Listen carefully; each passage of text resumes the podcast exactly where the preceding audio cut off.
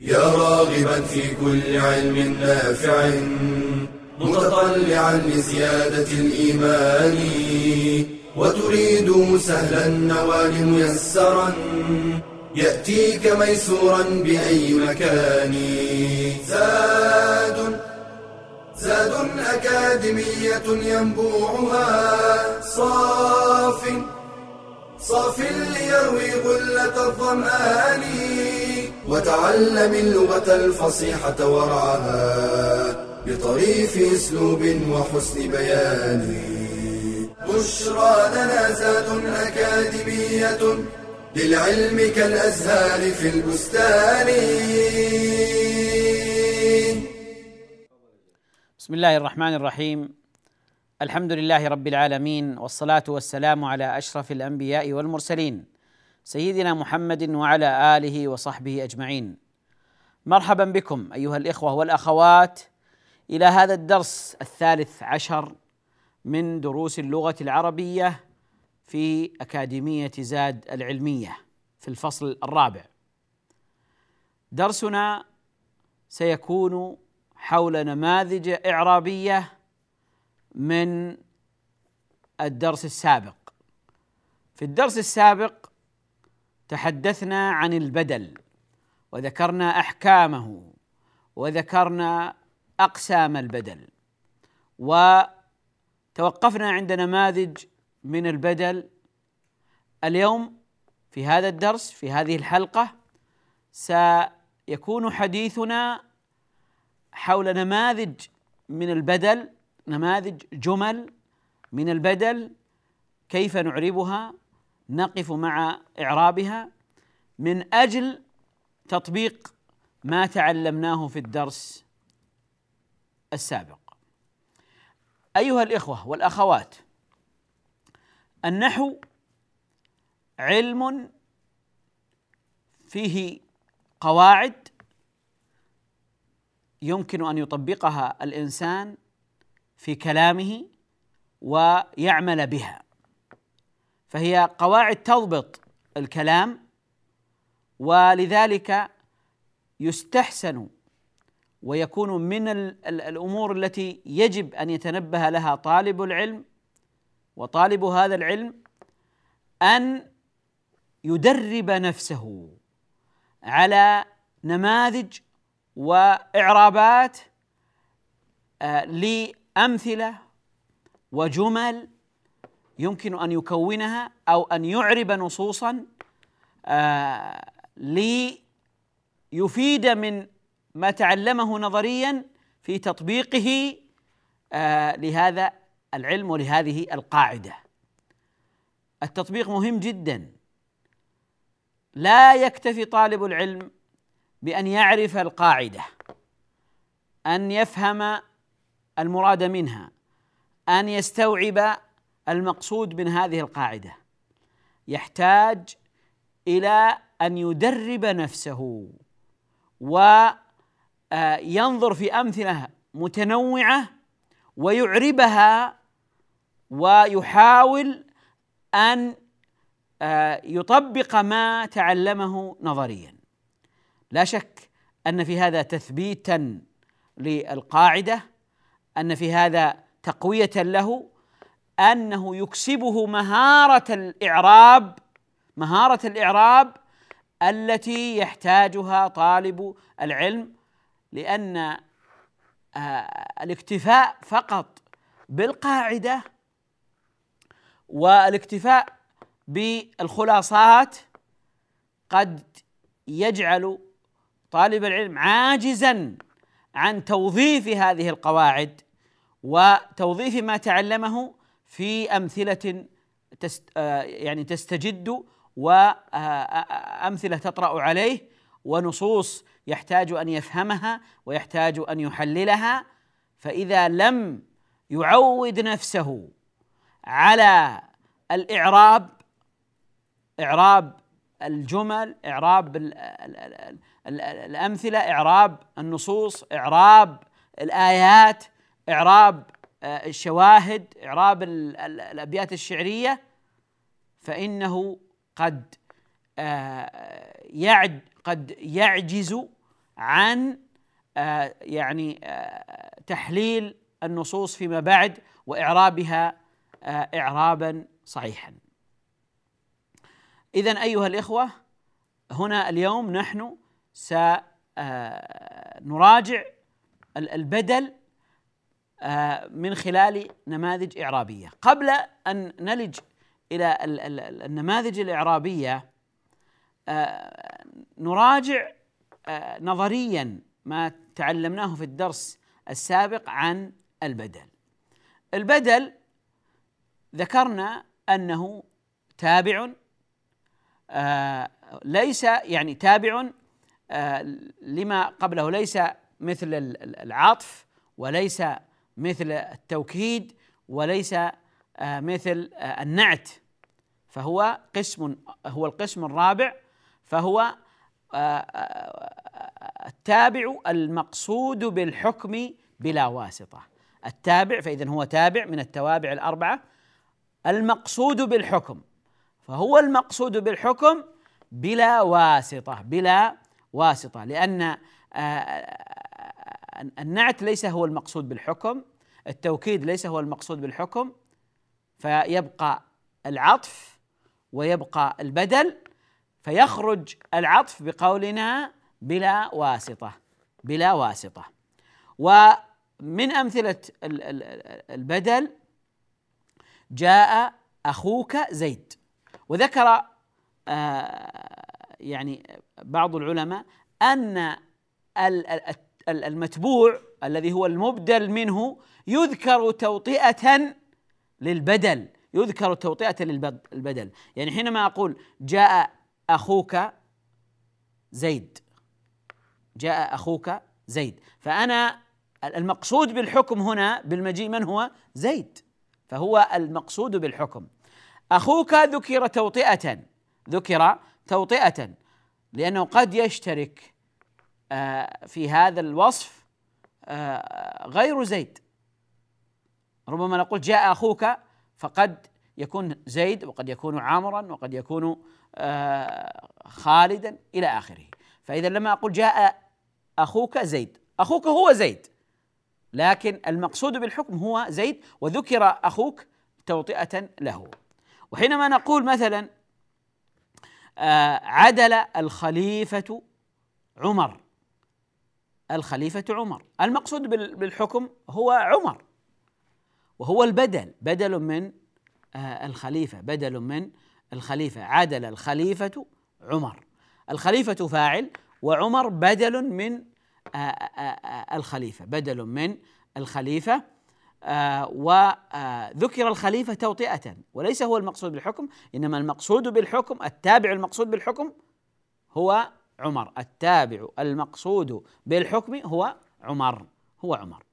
وذكرنا في الدرس السابق أن أنواع البدل أولا البدل آه، بدل كل من كل أو بدل المطابقة بمعنى أن يكون المبدل البدل هو مطابق للمبدل منه مطابق للمبدل منه. كما قلنا جاء أخوك زيد. كما قلنا جاء أخوك زيد فإنه مطابق لأن أخوك هو زيد. والنوع الثاني من أنواع البدل البدل آه، بعض من كل بدل بعض من كل. أن يكون البدل جزءا من المبدل منه جزءا من المبدل منه. كما يمثلون فيقولون أكلت الرغيف نصفه اكلت الرغيف نصفه. فالنصف جزء من الرغيف فهذا بدل بعض من كل. والنوع الثالث هو بدل الاشتمال بدل الاشتمال حينما يعني يكون هناك علاقة بين بين البدل والمبدل منه لكنها علاقة غير الجزئية علاقة غير الجزئية.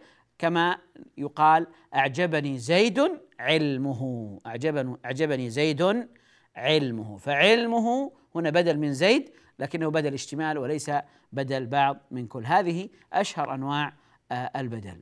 فاصل أيها الإخوة ثم نواصل ونبدأ بإذن الله عز وجل. بعد الفاصل في إعراب نماذج آه، تشتمل على آه، بدل ومبدل منه. فابقوا نلتقي إن شاء الله بعد هذا الفاصل.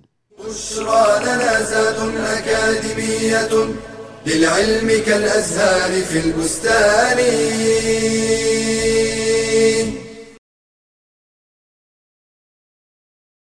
هي نصف المجتمع وتلد النصف الآخر.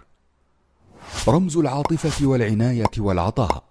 فهي الأم والأخت والزوجة والابنة.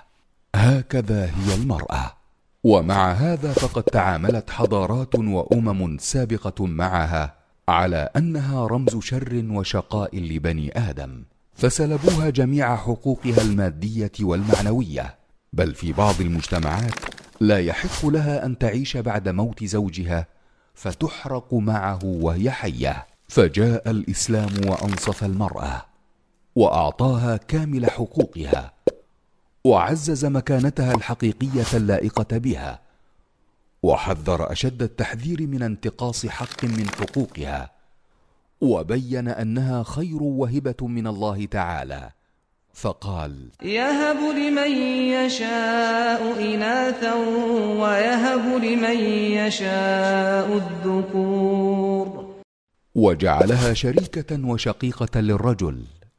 فقال ولهن مثل الذي عليهن بالمعروف. وقال عليه الصلاة والسلام النساء شقائق الرجال وأسند إليها مهمات ووظائف تتفق مع طبيعتها وأنوثتها من عناية وعطف ورحمة فجعل من مهامها القيام على شؤون بيتها ورعايته. فقال عليه الصلاة والسلام والمرأة راعية في بيت زوجها ومسؤولة عن رعيتها. وهذه الرعاية تحتاج إلى عناء وتعب لا يقل بحال عن عناء الرجل في طلب الرزق ومتطلبات الحياة حتى يحصل التكامل داخل البيت وخارجه. وأسند إليها كذلك مهمة تنشئة الأجيال لكون الأسرة هي أساس المجتمع. فهذا تكوين طبيعي من الله للمرأة. يبين أهميتها وعلو مكانتها ومتانة مركزها في دورة الحياة. بشرى لنا زاد أكاديمية للعلم كالأزهار في البستان. بسم الله الرحمن الرحيم. آه نبدأ أيها الإخوة بإعراب نماذج وأمثلة تشتمل على آه ألفاظ تعرب بدلا. مثال ذلك يفدي المسلم دينه الإسلام بروحه. لو أردنا أن نعرب هذا المثال يفدي المسلم دينه الإسلام بروحه. يفدي هنا ما إعرابها؟ فعل وفاعل طيب أين لو سألت سؤالا أين البدل وأين المبدل منه؟ أين البدل وأين المبدل منه؟ يفدي المسلم دينه الإسلام بروحه. تعالوا مع معي أيها الإخوة والأخوات إلى آه، لوحة العرض. لنعرب هذا المثال.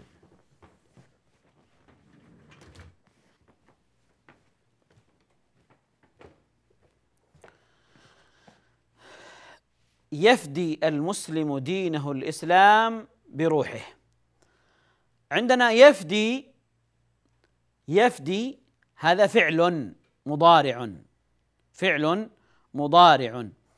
والمسلم فاعل مرفوع فاعل مرفوع وعلامة رفعه الضمة.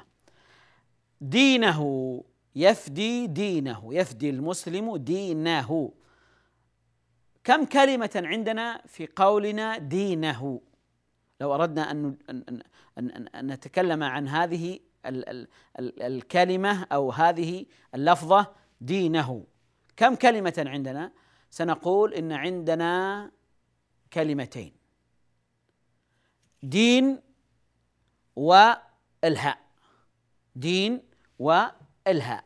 فدينا حينما نعربها اذا لابد نتنبه. حينما نعرب قد يكون عندنا ضمير والضمير كلمة مستقلة وهو اسم. فلا بد من إعرابهما إعراب الكلمتين. فإذا نعرب اولا دين فنقول يفدي المسلم دينا دين مفعول به منصوب. مفعول به منصوب. وعلامة نصبه وعلامة نصبه الفتحة الظاهرة على آخره كما هو معروف. يفدي المسلم دينه. طيب الهاء الهاء ضمير متصل. مبني على الضم. ديناه مبني على الضم. وانتبهوا إذا إذا جاءت الأسماء مبنية فلا آه يعني يلبس علينا هذا الأمر أنه فيه ضم أن يكون مرفوع. المبني قد يبنى على الضم وهو ليس بمرفوع فهو مبني على الضم. فإذا نقول الهاء ضمير متصل. طبعا دين هنا مضاف والهاء ضمير متصل مبني على الضم. في محل جر بالإضافة. لأنه عندنا الاسم دين آه، مضاف إلى آه، الضمير آه، الغائب العائد على المسلم. فهنا مضاف ومضاف إليه مضاف ومضاف إليه. وثمة أيضا فائدة الهاء والكاف الهاء والكاف إذا اتصلت أو اتصلتا بأي اسم من الأسماء فهي تعرب في محل ضمير متصل مبني على كذا في محل جر بالإضافة فمحلها الجر بالإضافة دائما.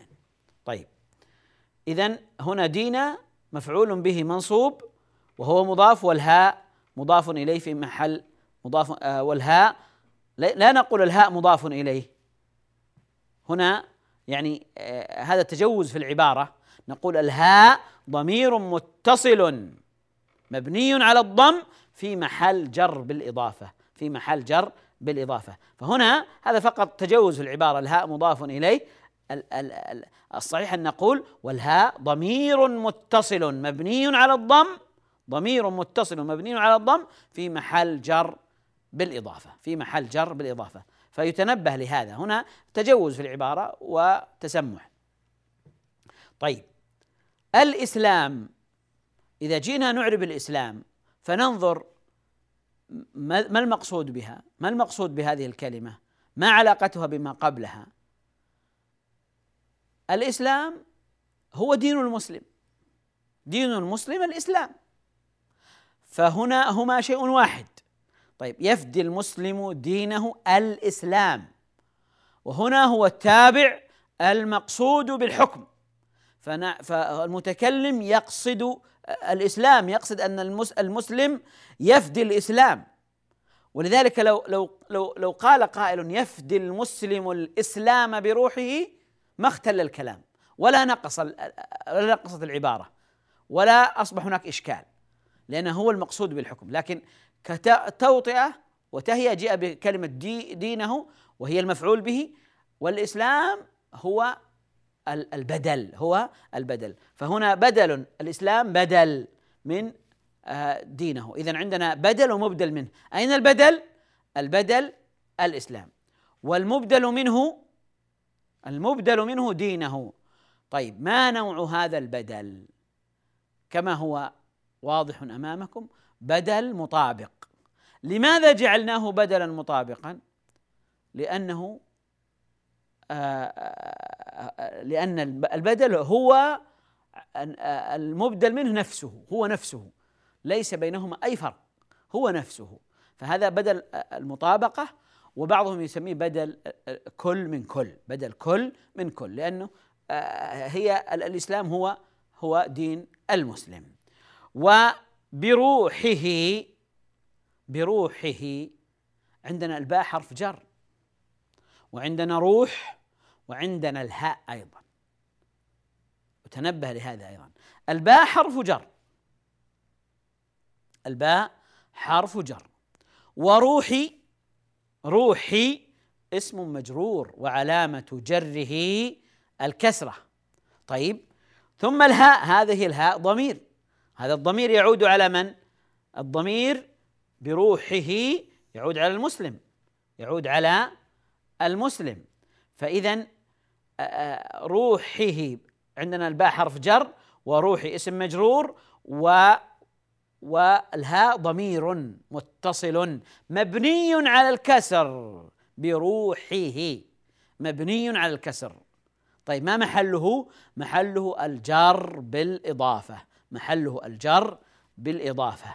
ويبقى أيضا شيء مهم أن الجار والمجرور لا بد لهما من متعلق يتعلقان به عامل أو شيء يتعلقان به. فهنا تعلق الجار والمجرور بروحه بأي شيء؟ بيفدي. لأنه الفداء يكون بالروح. يكون بالروح. فإذا نقول الجار والمجرور بروحه الجار والمجرور متعلقان بالفعل يفدي. متعلقان بالفعل يفدي. وبهذا نكون قد آه يعني آه أعربنا هذه الجملة إعرابا كاملا. يفدي المسلم دينه الإسلام بروحه. يفدي فعل مضارع المسلم فاعل مرفوع ودين مفعول به منصوب وعلامة نصبه الفتحة وهو مضاف والهاء ضمير متصل مبني على الضم. في محل جر بالإضافة في محل جر بالإضافة الإسلام بدل بدل مطابق والمبدل منه دينه منصوب. لماذا قلنا إن البدل هنا منصوب؟ لماذا قلنا إن البدل هنا منصوب؟ لأن المبدل منه منصوب. لأن المبدل منه منصوب. فالبدل تابع. للمبدل منه تابع. فلأن المبدل منه دينهم مفعول به منصوب جاء البدل منصوبا. منصوب علامة نصبه الفتحة وقلنا إنه بدل مطابق لأنه هو نفسه دين المسلم. فاصل أيها الإخوة ثم نواصل بحول الله عز وجل. بشرى لنا زاد أكاديمية. للعلم كالأزهار في البستان.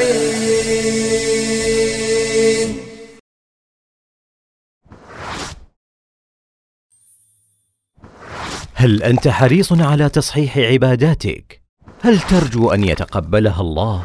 اطلب العلم إذ لا تصح العبادة إلا به. قال تعالى فاعلم أنه لا إله إلا الله واستغفر لذنبك وللمؤمنين والمؤمنات. وشرط قبول طلب العلم. الإخلاص فيه بالا تريد به إلا وجه الله.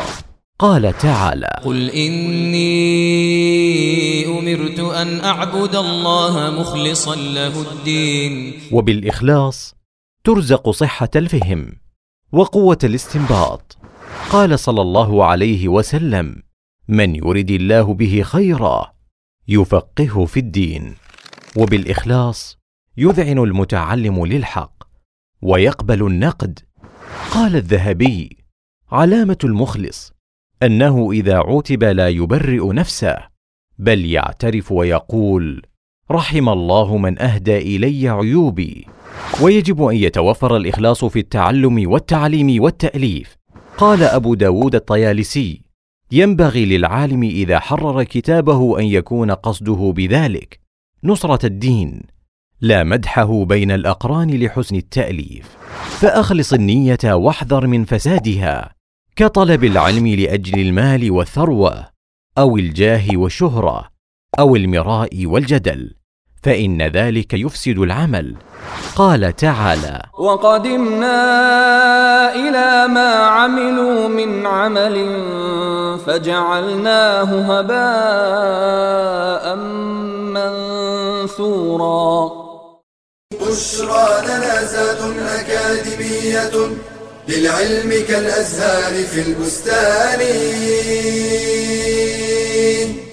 بسم الله الرحمن الرحيم.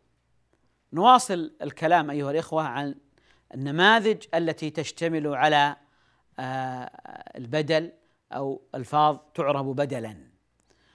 آه المثال الثاني الذي نقف معه آه وهو مذكور عندكم في الكتاب المقرر وهو أفدت من شيخ الإسلام ابن تيمية كتبه. وهذا أشرنا إليه في درس سابق. أفدت فعل وفاعل من شيخ الإسلام من حرف جر وشيخ الإسلام شيخي اسم مجرور وعلامة جره الكسرة وهو مضاف والإسلام مضاف إليه من شيخ الإسلام. ابن ابن تيمية ابن تيمية ابن هنا بدل من شيخ الإسلام لأن شيخ الإسلام هو ابن تيمية وهو المقصود بالحكم. وهو المقصود بالحكم. آه، يعني هو التابع المقصود بالحكم. يعني المقصود إنه هو التابع المقصود بالحكم. فابن هنا بدل. لماذا كان مجرورا هنا؟ وقع مجرورا؟ لأننا نقول أفدت من شيخي فالمبدل منه مجرور. فإذا يكون البدل مجرورا. إذا البدل يكون مجرورا. فإذا آه، ابني آه، بدل من شيخ الإسلام آه، من شيخي فهو بدل منه بدل مطابق.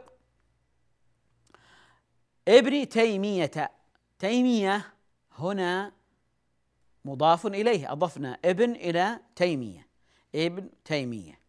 طيب تيمية ما إعرابه إذا مضاف إليه. مجرور. ما علامة جره؟ علامة جره الفتحة. مجرور. يجر بالفتحة؟ متى يجر الاسم بالفتحة؟ يجر الاسم بالفتحة إذا كان ممنوعا من الصرف. فهنا هو ممنوع من الصرف ولذلك جر بالفتحة لأنه ممنوع من الصرف. طيب بقي معنا كتبه. كتبه كتبه كتبي هذا بدل. بدل. بدل من ابن تيمية. لكن نوع البدل هنا بدل اشتمال وليس بدل كل من كل ولا بعض من كل بدل اشتمال. أما ابن تيمية فهو بدل من شيخ الإسلام بدل مطابق.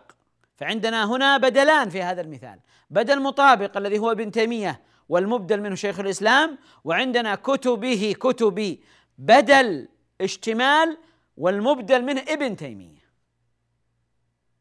لاحظت؟ اذا عندنا مبدل منه شيخ الإسلام وبدل منه ابن تيمية ومبدل منه ابن تيمية وبدل كتبه. كتبه بدل. فاذا لما نعرب كتبه نقول بدل اشتمال. مجرور لأن ابن مجرور أيضا. مجرور علامة جره الكسرة. وهو مضاف والهاء ضمير متصل مبني على الكسر في محل جر بالإضافة. أفدت من شيخ الإسلام ابن تيمية كتبه. من شيخ الإسلام ابن تيمية كتبه. فكتبه هنا بدل من ابن تيمية ابن وهو آه، بدل مجرور لأنه المبدل منه مجرور كذلك فاذا يتبعه وهو بدل اشتمال بدل اشتمال. المثال الثالث أيها الإخوة. حينما نقول أعجبني البيت غرفه. أعجبني البيت غرفه. عندنا أعجبني البيت أعجبني البيت. عندنا فعل أعجب. وعندنا ما دام عندنا فعل فعندنا الفاعل. أين الفاعل؟ أعجبني البيت. الذي أعجبني هو البيت فالبيت فاعل فاعل مرفوع. والياء في إعجبني ضمير آه، في محل نصب مفعول به. طيب ماذا بقي عندنا؟ أعجبني البيت غرفه. فغرفه بدل من البيت بدل من البيت. أعجبني البيت غرفه. اذا أعجب فعل ماض مبني على الفتح. مبني على الفتح. والنون نون الوقاية. وهذه التي تسمى نون الوقاية هي التي تقي الفعل من الكسر. نون الوقاية. والياء أعجبني ضمير متصل مبني على السكون في محل نصب مفعول به مقدم. مفعول به مقدم. والبيت فاعل مؤخر مرفوع وعلامة رفعه الضمة الظاهرة على آخره. طيب غرفه غرفه أعجبني البيت غرفه طيب هنا ما إعراب غرفه غرفه أولا هي كلمتان غرف والضمير الهاء. طيب غرف هنا بدل بدل من البيت. أعجبني البيت غرفه بدل من البيت. والبدل يتبع المبدل منه. طيب البيت هنا فاعل مرفوع. طيب سيكون البدل مرفوعا أيضا. سيكون البدل مرفوعا. فنقول غرفه غرف ها؟ غرف فإذا بدل مرفوع لأن المبدل منه مرفوع. فيكون مرفوعا مثله. إذا غرف بدل مرفوع وعلامة رفعه الضمة. ما نوع هذا البدل؟ بدل بعض من كل. لأن البيت لأن الغرف جزء من البيت. جزء من البيت. فإذا كانت العلاقة بين البدل والمبدل منه علاقة الجزئية الجزء والكل فيكون نوع البدل هنا بدل بعض من كل. فيكون نوع البدل بدل بعض من كل. فإذا هو آه، بدل آه، بدل بعض من كل. مرفوع.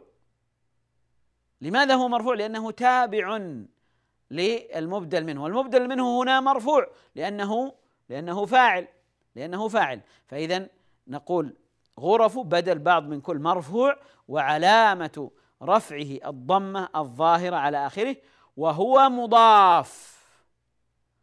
وهو مضاف. غرف. والهاء ضمير متصل. هنا جاء الإعراب دقيقا والهاء ضمير متصل مبني على الضم في محل جر بالإضافة.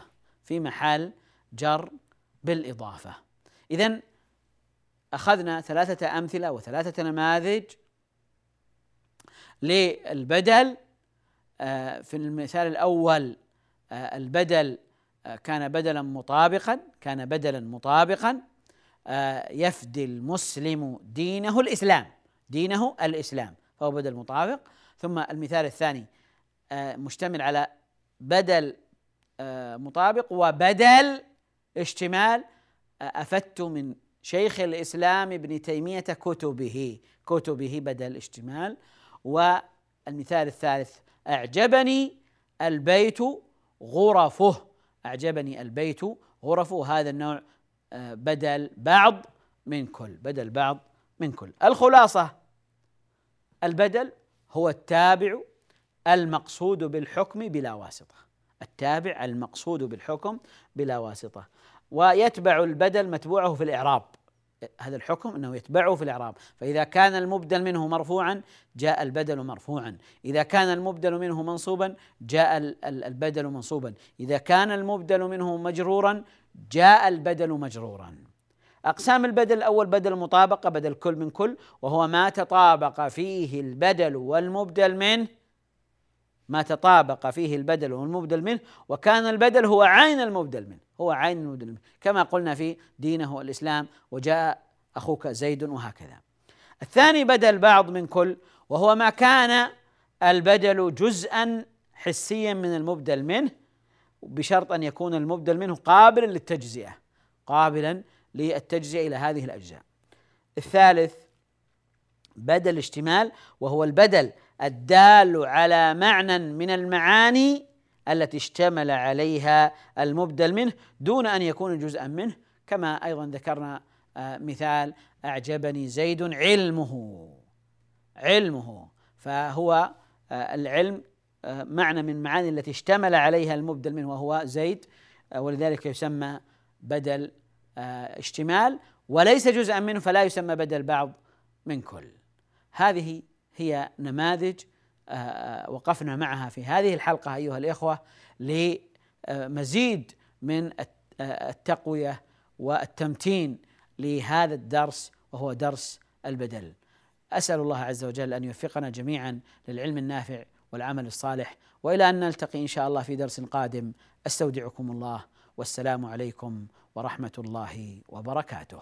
يا راغبا في كل علم نافع متطلعا لزيادة الإيمان وتريد سهلا النوال ميسرا يأتيك ميسورا بأي مكان زاد زاد أكاديمية ينبوعها صاف صاف ليروي غلة الظمآن وتعلم اللغة الفصيحة ورعاها بطريف أسلوب وحسن بيان. بشرى لنا زاد أكاديمية للعلم كالأزهار في البستان.